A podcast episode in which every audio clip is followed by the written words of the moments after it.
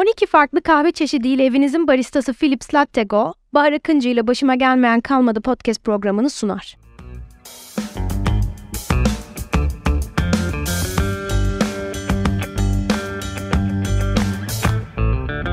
Başıma gelmeyen kalmadı podcast programına hoş geldiniz. Ben Bahar Akıncı. Aposto ile gerçekleştirdiğimiz serimizin bu bölümünde uzun zamandır peşinde olduğum, görevi nedeniyle ya dünyanın farklı köşelerinde ya da Ankara'nın denizlere inmeyen sokaklarında olan çok ilham aldığım, çok takdir ettiğim genç bir isim var. Can Remzi Ergen. Can hoş geldin. Hoş bulduk var. Çok teşekkürler davet için. Dün akşam bizim için geldin İstanbul'a. Bu akşam dönüyorsun çünkü yarın seçim var. Çok çok heyecanlıyız. Sulh içinde bir seçim geçirmeyi diliyorum. Sana da Ankara'da kolaylıklar diliyorum. Hepimize kolaylıklar diliyorum. İnşallah güzel bir seçim sonucu alırız hep beraber. Program randevumuz kesinleştiğinde artık tamam ya biz iki yıldır hani konuşuyoruz bu programı bu kaydı yapalım dediğinde ben seninle ilgili alıcı gözle bir araştırma yapma safhasına geçtim. Çünkü her konuğumuz için e, yapıyoruz. Hem kendisiyle ilgili kendisinden röportajlar istiyoruz hem de ben harıl harıl işte onu tanıyanlarla konuşuyorum. Google'daki dijital izine bakıyorum ve tabii bir sürü e, sonuç veri geliyor. Onları bir süzgeçten geçiriyorum ve burada neler konuşacağız onu hazırlıyorum. Soru hazırlamıyorum daha doğal akışında ilerlesin her şey diye ama bir takım notlar alıyorum kendime. Fakat seninle ilgili sıkıntı şu. Dedim ki ben bu genç adamı 40 dakikaya nasıl sığdıracağım?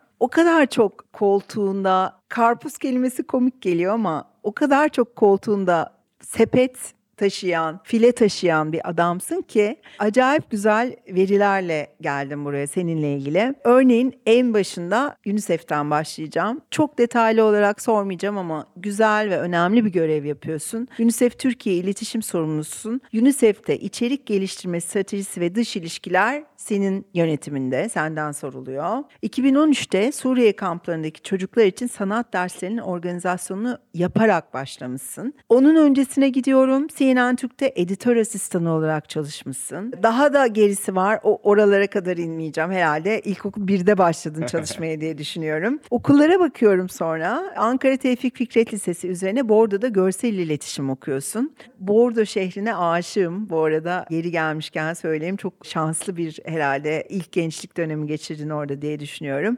Arkasından İstanbul Craft Oyunculuk Atölyesi'nde oyunculuk eğitimi. Üzerine New York Parsons'da moda eğitimi. Üzerine Londra Condé Nast College'de moda eğitimi, Sorbonne, Harvard eğitimler derken başım döndü sayarken. Sana şunu soracağım. Can Remzi Ergen kim? İçinde kaç can var? Bu kadar okulu nasıl okudun? Bahar çok teşekkürler öncelikle tekrar davet için. Burada aslında söylemek istediğim şey şu. Çok heyecan duydum. Hepsini çok mutlu bir şekilde okudum. Çünkü bunların hepsi bana farklı referanslar verdi. Farklı alanlar verdi ve daha farklı şekilde bakmam için bana olanaklar tanıdı. Ama belki burada iki nokta var ben çok önemli olduğunu düşündüm. Biri orada aslında bu okulları Harvard'ı veya Actor Studio'nun ötesinde orada kimlerden ne öğrendiğimiz Tabii. bence. Mesela Actor Studio'da ben Al Pacino'nun direktörlüğünde Elizabeth Camp'le bir buçuk yıl boyunca oh. çalıştım ve orada Al Pacino Glenn Gary Glenn Ross'u koyarken biz onun provalarına gidiyorduk. Hmm.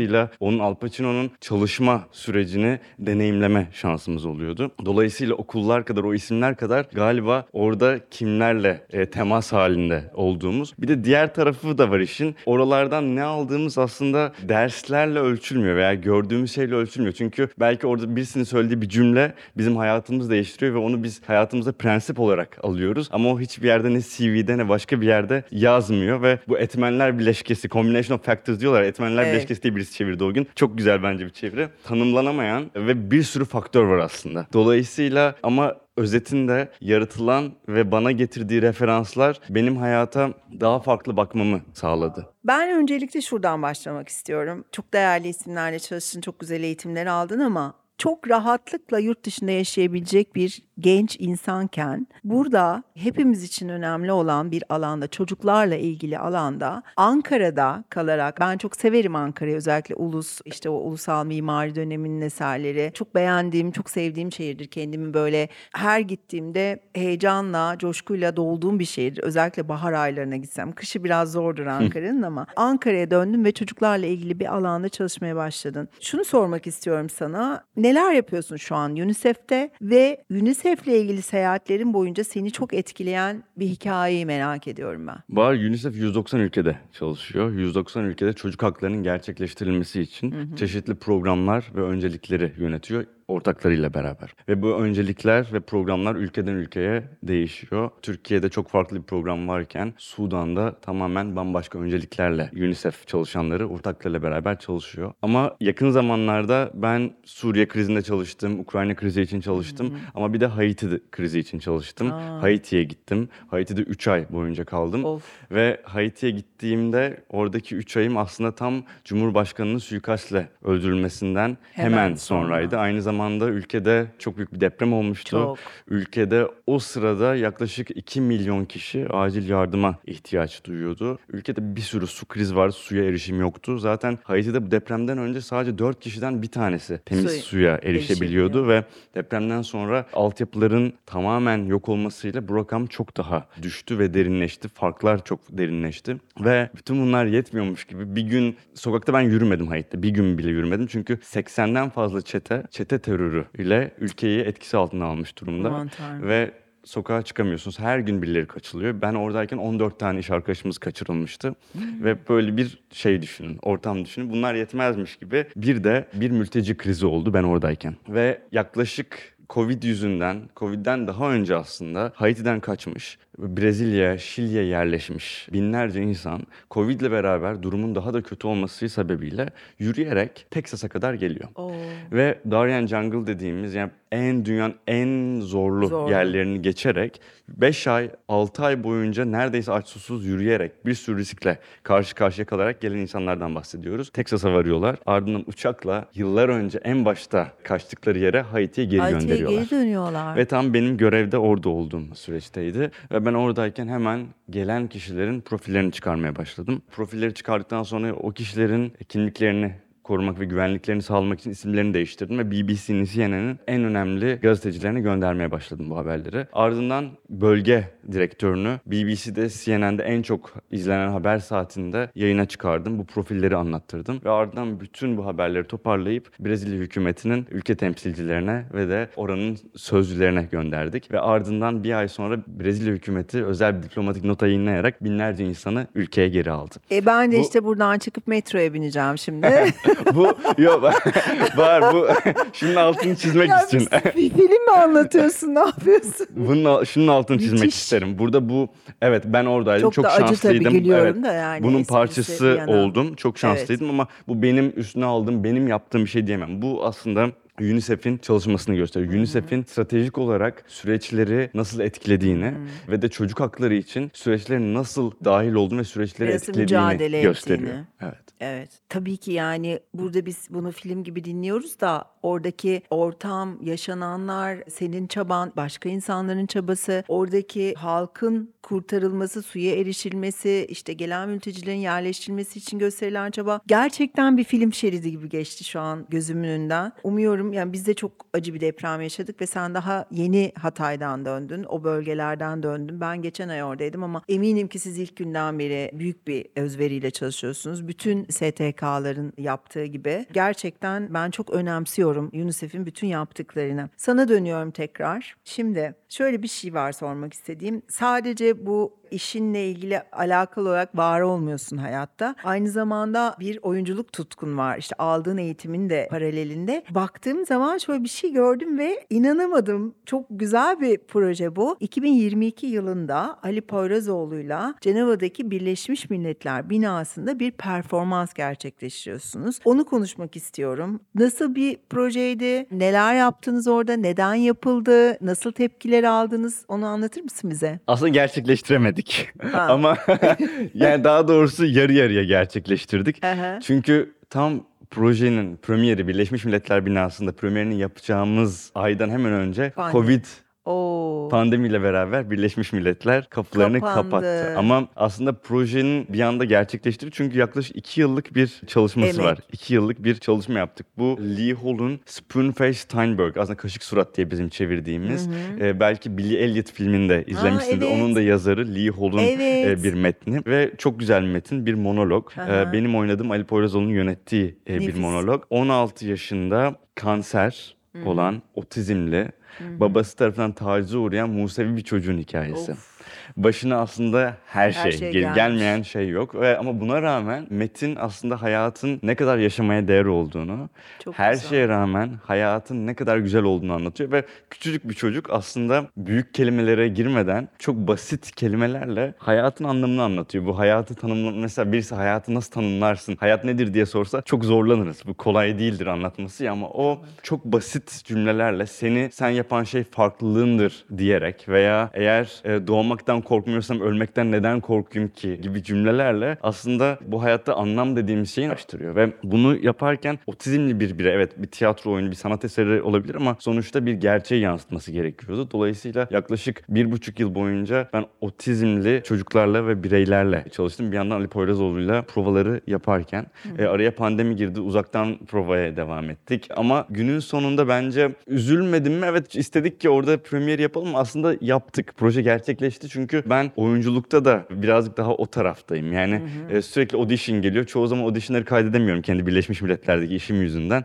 Çünkü öncelik hep orası. Ama zaten audition geldiği zaman ben bir karaktere bir hafta hazırlanıyorum. Orada onu oynuyorum. Kameraya kaydediyorum. Menajerime gönderiyorum. E zaten onu oynamış oluyorum. Yani yeni bir karakter Evet. çalışmış oluyorum. Yeni bir karakterin önceliklerine bakıyorum. Bir orada yaratım sürecini yaşıyorum, yapıyorum ve aslında o küçük bir oyun da olsa kendi başıma oynamış oluyorum. Evet. Ama bu, bunun da ötesindeydi ve iki yıllık bir süreçle biz aslında ben Ali Poyrazoğlu'ndan iki yıllık bir süreçte öğrendim. Yani kendisi benim çok hakikaten hayranlık duyduğum birisi. Sadece bir oyuncu değil. Ali Poyrazoğlu aynı zamanda bugün Koç, Sabancı, Turkcell gibi şirketlerin gelecek tasarımını yapıyor. İnovasyon üzerine çalışıyor. Harvard, beyin, e, evet. Princeton, MIT'de araştırma gruplarında e, oralarda çeşitli, çeşitli çalışmalar yapıyor. Ben hayatımda bu kadar fazla okumuş, okuyan ve de araştıran birisini görmedim. O yaşına rağmen ki yaşlı değil yanlış anlaşılmasın ama hala o kadar deneyimine rağmen en iyi bildiği konularda bile karşısında birisi konuşunca Bahar ilk defa dinliyormuş gibi dinliyor. Yani en basit konuyu söyleyeyim sana. En basit bir konuda bile ilk defa duyuyormuş gibi kulak kesiliyor ve bu gerçekten can kulağıyla dinlemek deriz ya. Evet. Bunu hala her seferinde yapıyor ve bence bu çok önemli bir şey. Hayata çok, ben çok büyük bir İzmir'de ders. yaşarken onun tek kişilik oyunu sonrası hep birlikte oturup onun İzmirli dostları, benim de büyüklerimle birlikte onların masasına oturma şansı elde etmiştim ve oradaki sohbeti, orada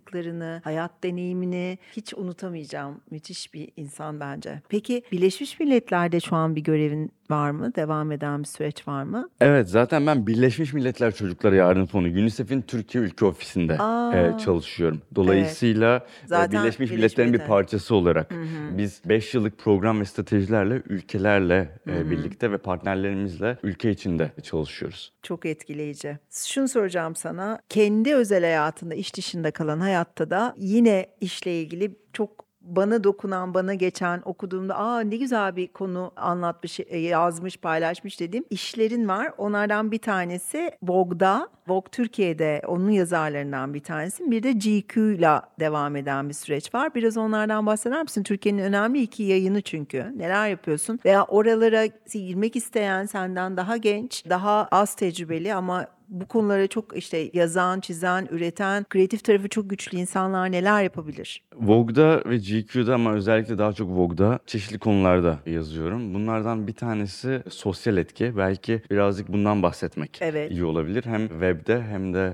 aynı zamanda basılı, Basılı dergide, dergide. Vogue Sosyal Etki adında bir köşemiz var. Bu bence çok önemli çünkü bugün artık Vogue bir moda dergisi değil. Günümüzde hayatın da geldiğimiz konumda artık moda zaten hiçbir zaman tek başına bir şey değildi. Ve bugün de modanın çok daha fazla sorumluluğu var. Bu sadece yapması gerektiği için değil, artık insanların modayı algılayış biçimi de değişti. Dolayısıyla bu tek başına kıyafet hiçbir zaman kıya- moda kıyafetle alakalı olmadı. Ama onun arkasında tamamen ekonomik, sosyoekonomik, kültürel bir referanslar bütünü ve bir yaşama biçimi vardı. Ama bugün dünyanın özellikle iklim krizi, çevresel konulara dair geldiği farkındalıkla beraber de moda da hem zorunda kaldı ama zorunda kalmasının ötesinde bu şekilde konuşması gerektiğini anladı. Evet o, o benim de daha çok yeni bir zamanda bir defile izledim. Yurt dışı defilesi. Dedim ki ya bu noktaya nasıl geldi bu marka? Yani tamamen inanılmaz bir işte timsah derileriyle çanta yapan bir markayken bundan 5 sene önce şu an bambaşka bir şey konuşuyor. Evet artık herkes bunu hayatında uygulamak zorunda kaldı. Bizler de yani günlük günlük hayatımızda bir takım şeyleri değiştirmek zorundayız. Tasarrufu yapmak zorundayız. Enerji tasarrufu yapmak zorundayız. Bazı şeyleri görmek zorundayız. Yere çöp atmayalım safhasını çoktan geçtik artık. O zaten yapılması gereken bir şey. Artık bütün markaları bunun içinde görmek beni oh canıma değsin noktasına getirtiyor bazen. Çok iyi gelişmeler bunlar. Bir de bireylerle alakalı Bahar biliyorsun. Aslında evet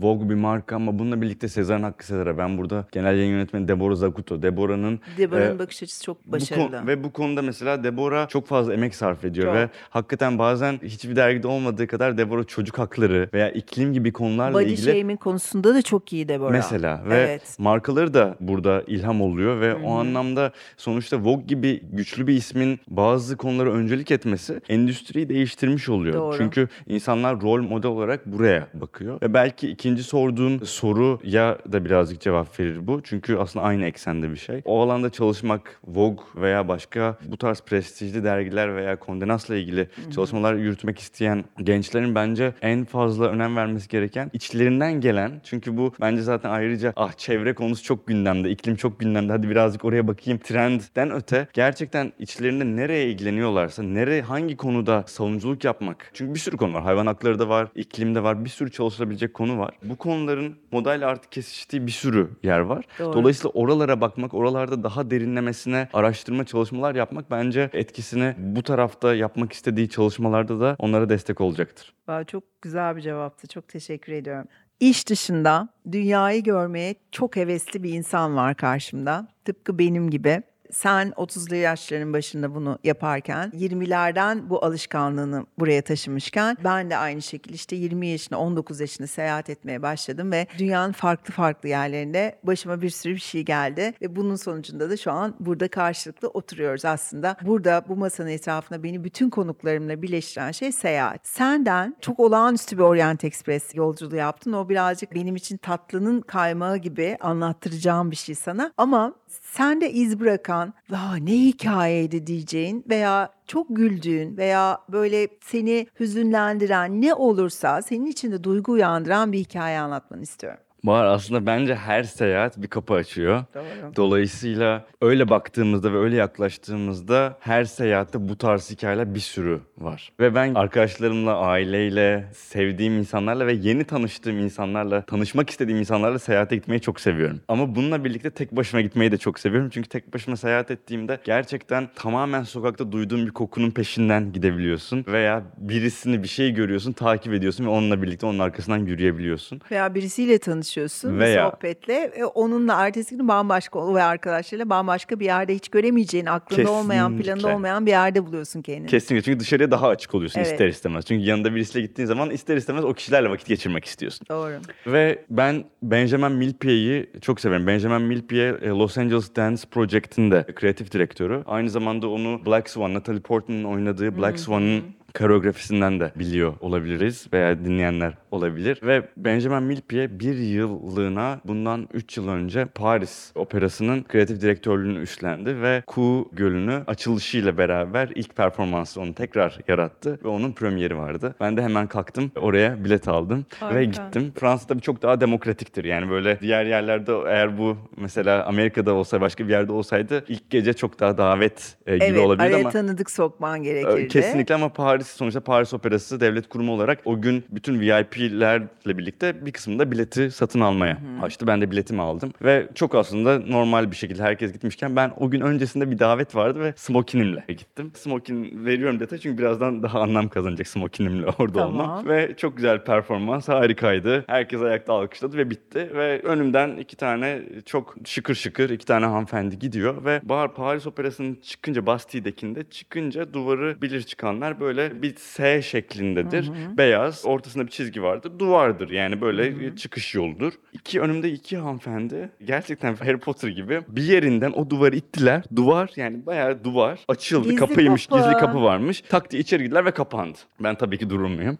Ben arkalarından hemen aşağı oraya daldım ve daldım ama yani bayağı sahne bütün o şeyler geçiyor. Işıklar, kablolar vesaire. Çok daracık bir yer. Onlar yürüdü. Ben de arkasından yürüdüm, yürüdüm, yürüdüm. Sahneye çıktı. Tam karşında Natalie Portman, yanında Benjamin Millepied. Ee, bir dönem onlar bir Evet biriydi, evet, aynı öyle. Hala da beraberler. Hala da birlikteler, evet. Birlikteler de biliyorum. İkisi orada hoş geldiniz, hoş geldiniz. Orada 15 kişilik e, Aman bir Allah'ım. grup. Aynı zamanda Fransa'nın gerçekten Fransa hükümetinin kültür bakanı orada. Başka tanıdığım birkaç tane sanatçı var. E, ama toplamda 15-20 kişi. Benim üzerimde smokin olduğu için ben tabii hiç sırıtmadım ve orada Tabii ki ben zaten oradaymış, ben oradaymış gibi oraya dahil oldum. Fransızcan var mı? Var Fransızca. İşte onun da İlkokuldan çok beri Fransızca okudum. Sonra orada Aha. nasılsın iyi misin oradaki insanlarla sohbet vesaire ben oraya e, dahil anda- oldum. Hadi çıkıyoruz dediler. Yukarıya çıkıldı asansörlerle. Yukarıya çıktık şampanyalar patlatıldı. Oranın kendi içinde onların kutlama e, gala e, ısı Bu- bu aslında. Bizim Sicilya'da bir düğüne girme hikayemiz gibi. Düğüne sızdık üç arkadaş. Böyle Sicilya'da arabayla minicik bir arabayla tur yapıyorduk. Üç kız arkadaş ve herkes bizi tabii ki Türkiye'de de öyledir ya Anadolu'da bir düğüne giderse. Anadolu'da tabii bir tanrı misafiri kültürü de var. Herkes işte e, kız tarafı bizi damat tarafından sanıyor. damat tarafı kız tarafından ve inanılmaz danslar yiyoruz içiyoruz falan. Onun daha da havalısı olmuş bu.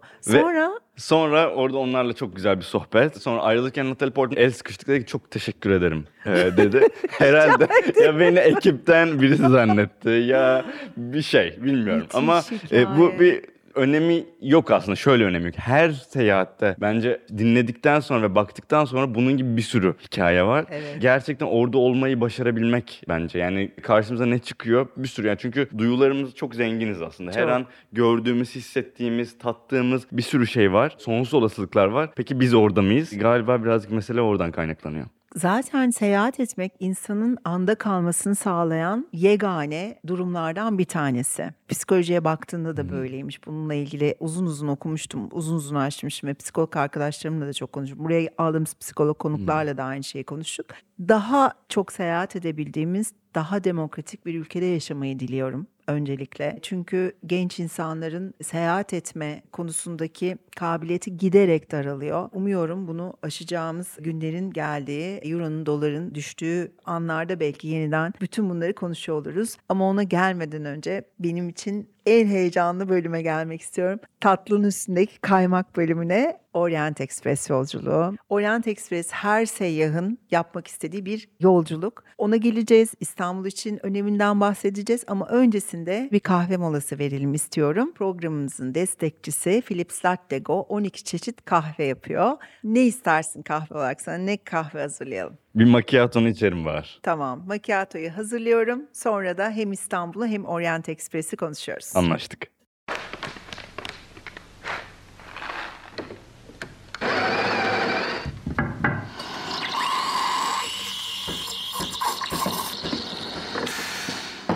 Evet, Orient Express. Çok yakın zamanda hepimizin hayali olan bir yolculuk yaptın. Orient Express filmi bir tarafa, Türkiye için bir takım sıkıntıları da beraberinde döneminde getirmesi bir tarafa ama esasında İstanbul için başladığı 19. yüzyılda olağanüstü bir seyahat ve olağanüstü bir İstanbul reklamı ve ilgisi yaratmasıyla meşhur bir tren yolculuğu aslında. Onun sayesinde Alexander Waller tarafından 1895'te Pera Palace Oteli açıldı. Acayip bir dönemde, acayip bir kültürdü. Bütün Levantenlerin, bütün azınlıkların ve Osmanlı hükümetinde var olan insanların yaşadığı Grand Rue Pera tam da aslında onun ortasındayız şu an Galata'dayız. Onun bir tık yukarısındayız diyelim. Bütün bunlara sebep olan bir yolculuk bu Orient Express. Nasıl karar verdin? Daha önceden araştırmış mıydın? Neler yaşadın? Mesela oradan İstanbul'a gelen, o yolculukla İstanbul'a gelen kişilerin İstanbul fikirleri nasıldı? Çok merak ediyorum bu yolculuğu. Var galiba hepimiz gibi ben de küçüklüğümden beri Orient Express ile ilgili bir, bir sürü şey duydum, bir sürü şey okudum ve gerçekten çok merak ediyordum. Ve ben ikonik destinasyon dedikleri Venedik Paris'i yaptım. Venedik'ten biniyorsunuz, Paris'te iniyorsunuz ve yaklaşık iki gün sürüyor. Bir gece trende kalıyorsunuz. Ve aslında çok şanslıydım çünkü Paris'te grevler olduğu için tren Paris'te duramayıp Brüksel'e e, devam etti. Dolayısıyla da biz bir 4-5 saat daha e, fazla oluruz. kaldık ama onun ötesinde trenin içinde 6 tane suite var. Ve trene yer bulmak gerçekten çok zor. Bazı insanlar 2 yıl öncesinden bilet almaya çalışıyor. Bu bir basın davetiydi. Vogue dergisine e, yazmak için gittim. Önümüzdeki aylarda bu Çıkacak. çıkacak dergide ve Paris'te duramadığı için ve Brüksel'de devam ettiği için tabii saatler de değiştiği için bir yolcu iptal ediyor ve bizi Budapeşte suite'ine upgrade ettiler. Bahar şöyle bir konu var. Tabii ki hepimiz müzelere gidiyoruz, tarihi görüyoruz ama tarihi yaşamak, tarihin içinde zaman geçirmek çok başka bir konu. Dolayısıyla 1900'lerin başında bazı vagonlar Sotheby's'le de biliyorsun satın alıyor. Bazı zaten hali hazırda var ve o zamandan bu zamana aslında değişmemiş. Evet çeşitli iyileştirmeler hep yapılmış ama değişmemiş bir tarih kokan tarihin içinde bir seyahat yapıyorsunuz. İşlemelerden içerideki yemeklere kadar yemek Servise kadar. İnanılmaz. Mesela Ee, Jean Imbert şef, ünlü şef. En son Farrell'le birlikte restoran açan ve şu an Dior'un partneri olarak Partneri, evet. e, çalışan Jean Imbert'in tamamen menüsü ve kendisi yemekleri yapıyor. Smokin'le akşam yemeklerini yiyorsunuz. Yanımızda o akşam smokin giymemiş ve ayağında spor ayakkabı olan misafirler vardı. Onları odalarına eşlik ettiler ve yemeklerini odalarında yediler. Ah! Ve bu kadar aslında detaylı bir atmosfer yaratma çabası var trenin içinde. Zaten her şey girince atmosfer orada ama bununla birlikte bütün çalışanlar çok dikkatli. Size iki gün boyunca tamamen sizin için orada olan bir kabin memuru var. Odanın içinde 5 tane abartmıyorum 5 tane düğme var. Kabin memurunu çağırabilmeniz için. 3 saniyede hemen odaya gelip ne isterseniz bari. Yani aklına ne geliyorsa ne yemek veya ne hizmet veya ne servis Çikolata geliyorsa şelalesi mesela. ne istersen var. Peki seninle birlikte yolculuk eden yolculardan devam edecekler var mıydı bu hatta? Yoksa bu sadece orayı kapsayan Orayı hat mıydı? kapsıyordu ama dediğin gibi mesela şimdi yılda iki kere yanılmıyorsam İstanbul'dan çıkıp Paris'e Evet. e, giden sefer de var. O da yaklaşık 5 gün sürüyormuş. O tabii çok ikonik yani. Bütün her Peki hiç, hikayenin e, başladığı. yer. İstanbul konusu oldu mu trende herhangi bir yolcuyla? Oldu yanımızda oturan bir çift vardı. Zaten insanlar genelde oraya ya çok özel bir günlerini kutlamaya geliyorlar gerçekten seyyahların bir hayali olduğu için Evet. seyahat severler orada oluyor. Yanımızdaki çift bayağı İstanbul hayranı. İstanbul'da hatta Pera Palas'ta daha öncesinde geldiklerinde Ya, kalmışlar. Senin dediğin gibi Pera Palas ve trenin inanılmaz bir hikayesi var. Ve bir sürü yurt dışında yaşayan insan gibi onlar da İstanbul hayranları. Geçtiğimiz hafta bir fotoğrafla ilgili bir kitle için, fotoğrafçılıkla ilgili bir kitleyi benim çok sevdiğim rehber bir arkadaşım var Gani Çekem. Onunla birlikte bir Beyoğlu Pera Asmalı Mescit Galata turu yaptık. O ekibe işte yabancılar da vardı aralarında. Ne olursa olsun ne kadar hor kullanırsak kullanalım bu şehri yapılan yeni restorasyonlarla ve var olan elimizdeki değerlerle birlikte o kadar güzel, o kadar dolu bir rota çıktı ki işte Kazaboter'den başladı. Oradan hemen e, Asmalı Mescid'den geçerek Perapalas'a gittik. Perapalas'tan 6. daireyi Beyoğlu Belediyesi 1858'de kurulan orayı gördük. Büyük Hendek'ten Galata'ya geldik. Buradan Fransız Yetimhanesi, İngiliz Postanesi, Seneco Pierre Hotel, arkasından Kamondo merdivenlerinden indik ve Salt Galata'ya. Oradan da dünyanın ikinci metrosuyla 1871'de yapılan tünel metrosuyla birlikte tekrar Beyoğlu'na çıktık. Günümüzü yaşadık ama bir taraftan anlattıklarımızla, benim anlattıklarımla, Gani'nin anlattıklarıyla aynı zamanda o döneme bir yolculuk yaptık. Sadece çıkıp bu bölgelerde, bu semtlerde yürümek bile yeter İstanbul'u yaşamak için. Umuyorum bir gün daha fazla bu tür e, nostaljik yolculuklar veya daha fazla dünyanın bütün insanların İstanbul'u merak edeceği kültür turları daha da çoğalır. Biz de bunların bir parçası oluruz. Çok değerli burada anlattıkların. Haiti'den başladık. Fransa'da, Paris'te yer altından smokinle Natalie Portman'a kadar uzandık. Oradan da Orient Express'i bitirdik. Eminim ki konuşacak daha, anlatacak çok şeyin var ama seni tanımaktan büyük mutluluk duydum. Burada bu kadar çok yönlü, çok renkli bir konu kalmak aynı zamanda da dünyanın dertleriyle ilgili çalışan bir insanı misafir etmek benim için çok büyük mutluluktu. İyi ki geldin. Ayağına sağlık. Var hislerimiz karşılıklı. Ben çok teşekkür ederim bugün beni ağırladığın için. Çok keyifliydi seninle sohbet etmek.